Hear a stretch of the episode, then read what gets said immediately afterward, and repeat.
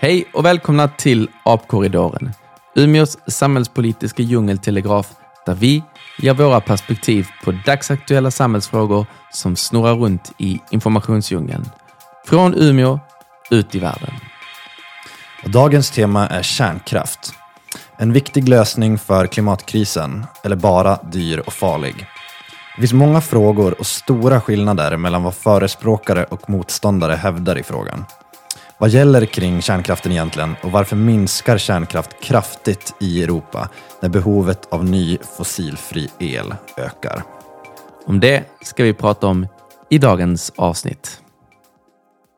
Okej Nils, dagens tema kärnkraft. Vad känner du för det? Ja, men det känns liksom spännande, eh, men också lite skrämmande. Det är ju en, men nästan som man känner att man går ut lite på tunn is, för det är så starka olika åsikter kring frågan. Eh, och det är dessutom så att det finns ju så många olika saker som skulle kunna diskuteras också. Höga elpriser och kraftnät eller alla möjliga andra frågor. Och jag tänker mig att att det, vi, vi, har, vi har ju tänkt att vi ska avgränsa oss kring, kring en fråga som jag tycker var väldigt intressant. Men eh, jag är nog också säker på att alldeles oavsett vad man säger så kommer man ha folk som tänker att, eller som, som har åsikter, för det, det har blivit ganska starkt politiserat. Men om vi börjar då lite grann från början, så med lite kort, kort kärnkraftshistoria. Eh, om du Nils skulle kunna säga någonting när, när kärnkraften började användas i Europa och i Sverige och vad, vad som gav upphov till den?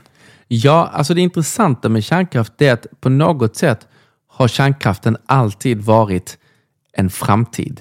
Eh, när, när kärnkraften kom igång, och nu är det ju så att det är klart att en del kärnvapennationer, alltså för dem så var ju liksom kanske vapenindustrin ett viktigt skäl till att också utveckla kärnkraftsproduktionen. Men rent generellt så utvecklas det ganska snabbt för att man just får möjlighet att tillverka en större mängd el utan utsläpp, stabil produktion. Och det som om man nu ska se till 50 och 60-talet när man verkligen ser att kärnkraftsboomen är på gång, så hade man ju dessutom en föreställning av att man kunde köra runt i, i bilar som mm. drevs mm. av liksom små reaktorer eller man hade hushåll som hade små reaktorer. Så det var verkligen en sorts framtids, en futuristisk vision. Mm. Och Tittar vi då på Europa så ser vi också att vi har en ganska snabb utveckling. att liksom På 50-talet så byggde man 27 olika reaktorer. Mm. På 60-talet så fördubblades det nästan 48 nya reaktorer. Det var då vi fick de flesta av våra första reaktorer i Sverige bland annat. På 70-talet ser vi den stora, stora boomen, alltså 127 nya reaktorer i Europa. Mm. Men sen började dala. Okej, så att för att sammanfatta så gjorde kärnkraften sitt inträde där på 50-60-talet. Ja. Det växte som mest där på 70-talet som du beskriver. Ja. Eh, och sen, från när började det liksom dala igen? Det började dala på, på 80-talet, eh, men sen händer något. Och om man tittar lite på liksom tiden från 1950 till 1990 så byggdes det 248 reaktorer i Europa. Det kan vara att jag har missat någon reaktor, för jag har verkligen mm. försökt gräva ner mig i all statistik. Så att, så att om, det, om det är så att jag har lite fel i siffrorna får ni gärna säga det till mig. Men sen från 1990 och fram till nu så har det egentligen bara påbörjats byggen av sju reaktorer och endast två av dessa är färdiga och fullt operativa. Vi väntar fortfarande på de fem andra. Så att liksom det är en enorm, enorm förändring. Mm. Och vi kanske kommer komma in på det mer senare i avsnittet, men eh, kan du säga någonting kort kring eh, vad du tänker är anledningen till att, att eh, det har byggts så få liksom, sedan 90-talet? Men det har flera faktorer. Det, det första är ju att man börjar få de här första kärnkraftsolyckorna eller nära inpå. Vi har ju Harrisburg, eh, slutet av 70-talet tror jag det är. Eh, eh, och sen så har vi ju självklart Tjernobyl 1986. Eh, avfallsfrågan börjar ju också bli liksom en, en sak som diskuteras mer och mer. Eh, och sen har man ju också det faktum att alltså tillståndsprocesser rent överlag har ju blivit mer och mer avancerade. Det fanns inte mycket till miljötillstånd eller sånt när man byggde ens ett hus på 50-talet. Mm. Idag är vi i en helt annan värld. Och det är på precis samma sätt med till exempelvis vattenkraften. Alltså vi har ju många dammar i våra älvar.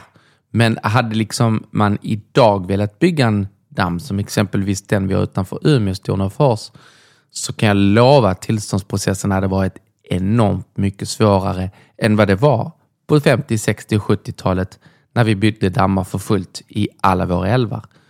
Dessutom så har man ju också hela tiden haft en ambition om att man ska kunna så att säga utveckla en ny typ av kärnkraft. Det är därför mm. vi pratar om olika generationer. Att tredje generationen ska kunna hantera av liksom, eh, bränslet mer effektivt. Mm. Eh, fjärde generationen kanske man rent av börjar titta på möjligheten att kunna återanvända eh, liksom kärnbränsle man har använt tidigare. Så att, men den teknikutvecklingen har visat sig betydligt svårare. Och det är mm. väl det som har gjort att de få gånger man har fortsatt att, att jobba med reaktorer då i Europa mm har processerna blivit ofantligt mycket längre, mer försenade och dyrare. Sen finns det andra länder i vår omvärld som, som, som lyckas bygga reaktorer snabbare och, och billigare, men kanske med en, med en, den, liksom en äldre teknik och generation. Men om man tittar på Europa så är det det som, som har varit grundförklaringen. Mm. Och om vi då eh, tittar lite kort på Sverige då först. Hur mm. mycket kärnkraft finns det liksom i, i Sverige? Antal reaktorer och hur stor del av liksom vår energiförsörjning kommer från kärnkraften? Vi har sex reaktorer idag eh, och det beror lite på eh, hur mycket de står för. Eh, nu har vi några som är ur drift och så, så att nu ligger det väl ungefär på 25 procent. Men någonstans en tredjedel ungefär eh, kärnkraftsproduktion i Sverige. Mm. Mm, precis, jag brukar ha som minnesregel så 40-30-20. 40 procent vattenkraft, 30 procent kärnkraft och 20 procent vindkraft på ett ungefär taget så från olika källor. Ja, men det här är ju siffror som, som förändras ganska snabbt i Sverige eh, och det är väl någonting vi kommer att, eh, att komma in på. Mm. Blickar man, tittar man på ur ett europeiskt perspektiv så är det rätt intressant att om vi tittar på förändringen, alltså från 20, jag tror 2004 hade vi liksom som, som störst produktion av kärnkraft. Mm. Eh, men från 2000 till 2022 så ser vi också en, en enorm förändring. Alltså 2000, då, och då räknar man ihop olika energislag, så 30 procent av Europas el gjordes med kolkraft. Mm. 46 procent gjordes med kärnkraft och vattenkraft. Och 0,8 procent gjordes av vind och sol. Och tittar vi nu på 2022, ja då är det plötsligt 22 procent av vår eh, elproduktion som görs med vind och sol. Och kärnkraften och vattenkraften har gått ner till 32 procent. Och tittar man bara specifikt på kärnkraft versus sol och vind i Europa så är det nu så att sol och vind tillverkar till och med mer el och det är en enorm förändring så sett. Mm. Och det har skett på bara 20, vadå, 23 20 år? år? Ja, 23 mm. år. Mm. Och eh, ytterligare kan man säga någonting som blev, förutom då de här liksom fördröjningarna och de problem man hade med de få reaktorer man satte igång, så får man inte glömma bort att vi även hade ju Fukushima 2011, vilket jag tror blev lite så här nådastöten temporärt för planerna på nya reaktorer i Europa. Mm. Och Det var också därför som kärnkraftsindustrin behövde utvecklas och hitta lösningar som är möjliga och görbara. Men kan du säga någonting om de som, de som är liksom kärnkraftsförespråkare, vad, vad ser de för framtid när det kommer till, till kärnkraften? Är det, någon, är det ny teknik? Eh, är den billigare? Hur, hur används den? Och... Det är mindre reaktorer som kan vara mer konkurrenskraftiga ekonomiskt mm. och som liksom, där man kan korta tillståndsprocesserna och tiderna. Och Det är där som den här termen små modulära reaktorer kommer fram och det är det som, som egentligen idag när man pratar om ny kärnkraft så är det fullt fokuserat på just små modulära reaktorer. Mm. Utmaningen med de här större reaktorerna som man skulle bygga var att då ska du liksom bygga en stor grund, ett stort fundament.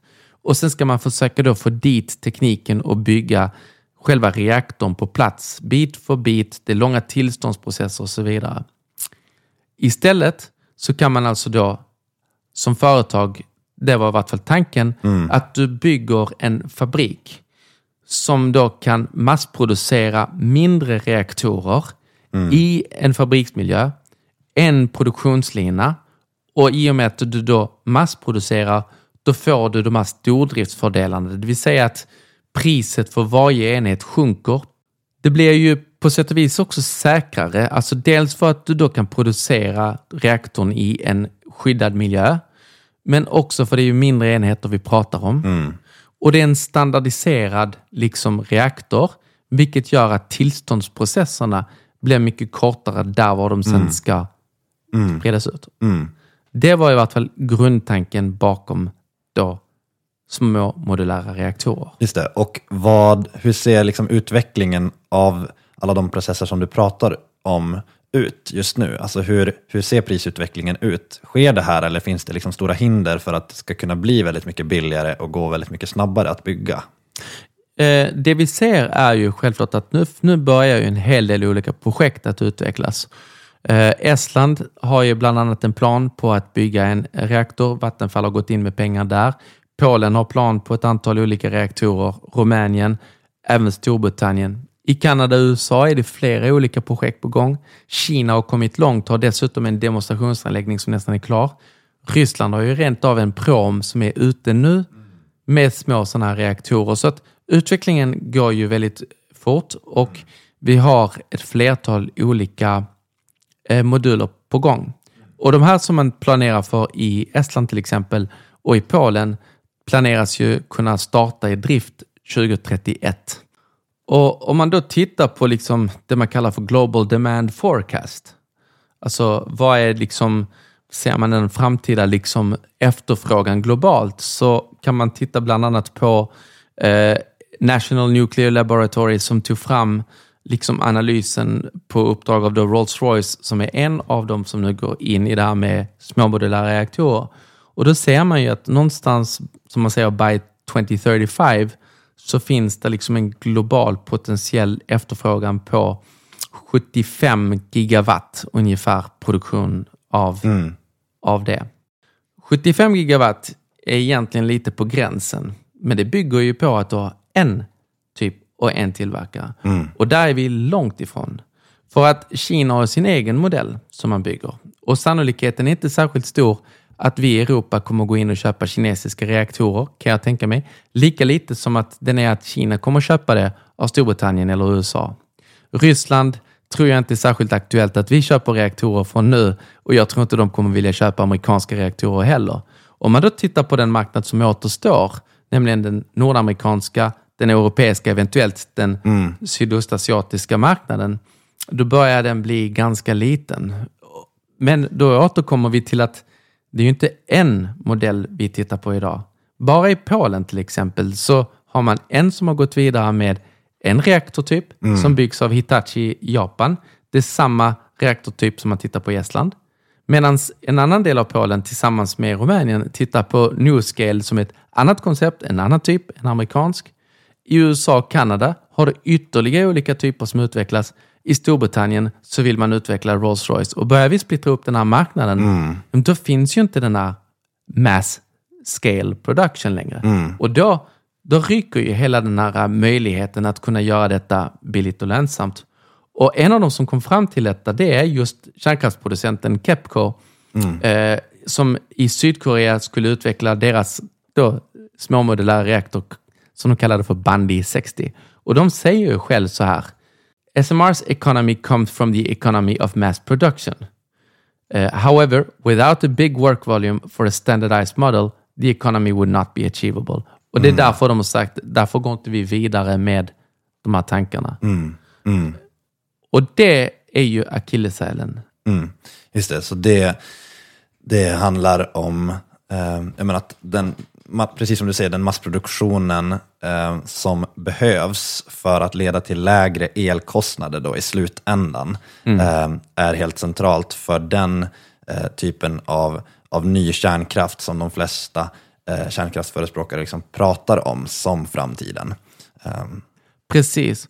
Och det man ska komma ihåg är att i teorin, om man nu lyckas med den här massproduktionen av en reaktor, då estimerar man att man kan få ner priset markant gentemot konventionell kärnkraft. Men det pris man har kommit fram till är fortfarande dubbelt så högt som vind eller sol. Mm. Så precis, så ut, och utöver den här prisskillnaden då som är, som du ser liksom som, som helt central, så har vi också tidsaspekten eh, att prata om. Liksom hur lång tid det tar att Ja. bygga ny kärnkraft från idag jämfört med Eh, till exempel eh, vind och sol. Precis. Det är många olika siffror och årtal som sägs eh, och det är helt sant att man kan säkert korta ner tillståndsprocesserna till bara några år. Men det är ju i så fall att man kan korta ner det till några år från det att du har en produktionslina av reaktorn. Produktionslinan behövs ju fortfarande för att du ska kunna få dit den. Och därför så, som sagt, Estland, där ser man 2031, det ser man i Polen också, om allting går som planerat. I Kanada tror jag man är nere på, jag tror samma sak, 2029, 2030. Mm, precis, jag tänker att det centrala är väl att kolla på också på de reaktorer som, som redan har byggts. Alltså man pratar om kärnkraftverket i Finland till exempel, där man pratar om att det tog 17 år eller ännu längre. Um, men de menar ju motståndare att, att um, det skulle gå väldigt mycket snabbare att bygga den en annan gång, alltså en, en, om man bygger igen, för då har man redan liksom det. Precis. Jag, jag tänker mig att, att liksom, jag tror inte man kan jämföra dem av det enkla skälet liksom att, att det man försökte göra i Olkiluoto 3, till exempel i Finland, precis som man försökte i Flamanville eller i, i, i Storbritannien, det är ju att liksom utveckla en ny typ av, generat, äh, av, av reaktor.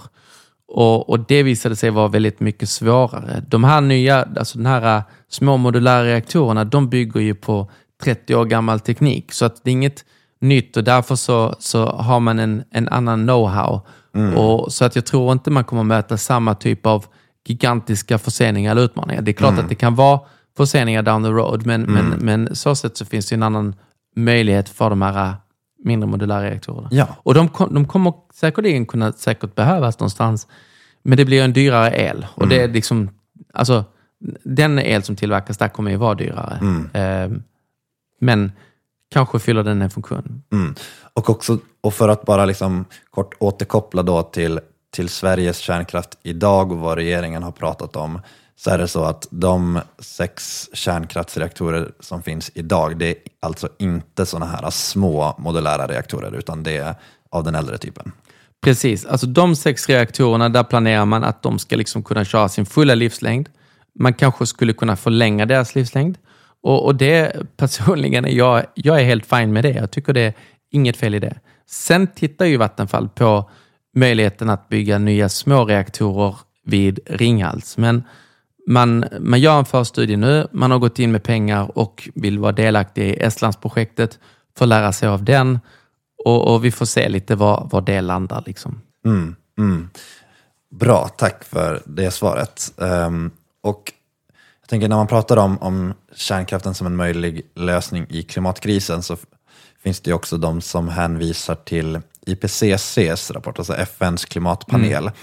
Framförallt då den från 2018 där vissa menar att där lyfter IPCC kärnkraften som en viktig lösning för att eh, ja, men, lösa klimatkrisen eller en del av klimatomställningen. Um, Medan andra menar att det är fel, att den finns med, den finns med i de fyra scenarier som, som IPCC lyfter eh, som en del av den fortsatta energimixen.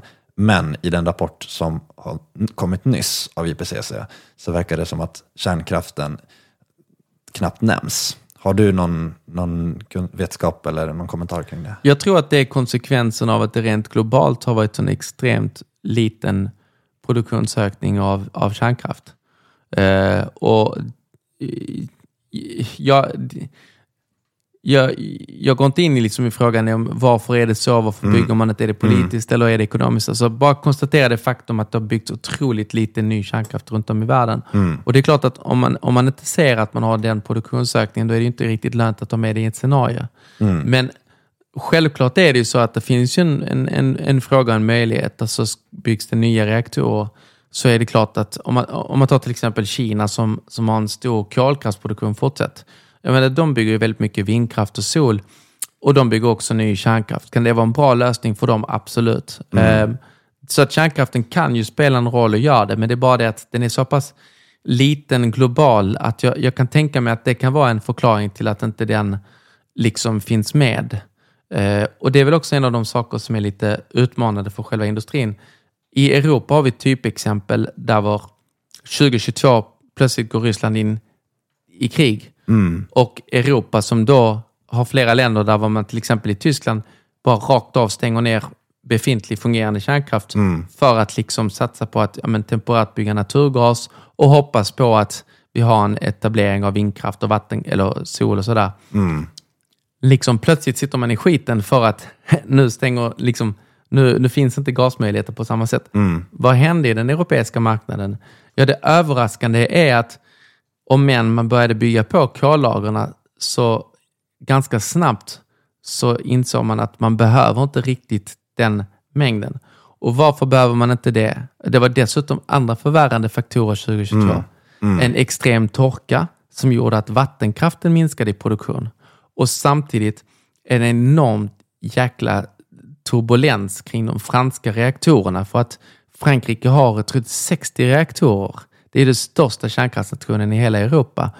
Och de är, har ju- varit liksom den största exportören i Europa. Plötsligt blir de en importör. Så att de här sakerna påverkar, förutom att gasen blir mycket dyrare, så försvinner en del av kärnkraften. Vattenkraften minskar. Och det som hände var två saker som räddade den europeiska energimarknaden. Det första var att vi såg en kraftig minskning av efterfrågan på el. Och det andra var att vi såg en, en överraskande enorm solkraftsutbyggnad. Mycket mer än vindkraft. Och tittar man på de två som byggdes alltså bara förra året så byggdes det alltså, eh, nu ska jag bara få fram siffrorna igen här, så att jag inte säger fel i podden, men vi pratar om att i Europa byggdes det liksom ut kapaciteten, installerades 19 gigawatt vindkraft och eh, 41 gigawatt solkraft. Så vi pratar om ungefär 60 gigawatt totalt som byggdes förra året. Och om vi kommer ihåg de siffror vi pratade om, om the potential global demand för kärnkraft någonstans 2035, pratar man om 75 gigawatt. Det betyder att bara förra året så installerades nästan liksom lika mycket sol och vind i Europa som den totala bedömda efterfrågan av kärnkraft om 12 år. Och det är klart att då blir ju frågan liksom hur relevant är ny kärnkraft just idag? Om den här utvecklingen fortsätter nästa år, året efter och alla de nio år fram tills den här första reaktorn är installerad i Estland och den i Polen. Jag menar då, då har vi en helt annan elmarknad. Då plötsligt har vi liksom tre gånger så mycket sol och vindkraft som vi har kärnkraft i Europa. Och då kanske det är en annan typ av liksom elmarknad vi behöver. Vi kanske behöver mer reglerande kraft eh, och andra lösningar. Så jag bara säger det att det är ju liksom, om man nu vill ta för klimatomställningen behöver ju den göras nu väldigt snabbt. Kärnkraften kan spela en roll på sikt, men inte just nu. Däremot, var ska vi investera våra skattemedel? Och det är här det blir så intressant. För att alla de här små modulära lösningarna, om man tittar på Rolls-Royce eller om man tittar på Newscale i USA eller om man tittar på liksom Toshiba och så vidare. Alla de här utvecklingarna, de lever i stort sett uteslutande på skattemedel. Alltså, hade inte det varit en massa pengar skattemedelsmässigt som pumpats in i kärnkraftsindustrin i de länder som har en kärnkraftsindustri, så hade den liksom inte haft den här framtiden. Så den lever ju uteslutande på att det får skattepengar in. Och, och där kan man ju ställa sig frågan, är det liksom rätt investerat att satsa på våra skattemedel på kärnkraft eller liksom skulle det göra en större nytta för klimatet om det satsades på någonting som kan ge en effekt just nu? Mm. Tack Nils för den redogörelsen. Ja, men för att då knyta ihop säcken lite grann kopplat till vår huvudfråga i det här avsnittet om kärnkraften kan vara en lösning på klimatkrisen. Kan du säga någon, sist, några sista ord kring det? Ja, så summa summarum, den kärnkraften som vi har, den befintliga, den kommer vara viktig att den får liksom gå sin fulla livslängd. Det anser jag. Ny kärnkraft tror jag inte kommer vara särskilt betydelsefull nu. Det kan vara utvecklande i på sikt, kan ha några positiva effekter, kan lösa vissa knutar, men kommer inte vara den essentiella klimatlösningen. Så det är väl att summera upp detta avsnitt. Mm. Tack. Apkorridoren är slut för idag. Tack för att du lyssnat. Du kan följa oss på vår Facebook-sida där du får senaste nytt från oss och där nya avsnitt delas. Där får du gärna skriva till oss vad du tyckte, ris som ros, tankar och önskemål på kommande teman. Och I nästa avsnitt ska vi prata om en kris som ingen pratar om. Kompetenskrisen. Det saknas medarbetare inom välfärden och situationen riskerar att förvärras rejält inom de närmaste åren. Samtidigt blir allt fler äldre medan andelen i arbetsför ålder minskar. Så hur löser vi den här krisen? Vem ska ta hand om våra äldre, undervisa våra barn eller ge dem en meningsfull fritid? Det ska vi prata om nästa gång. Vi hörs.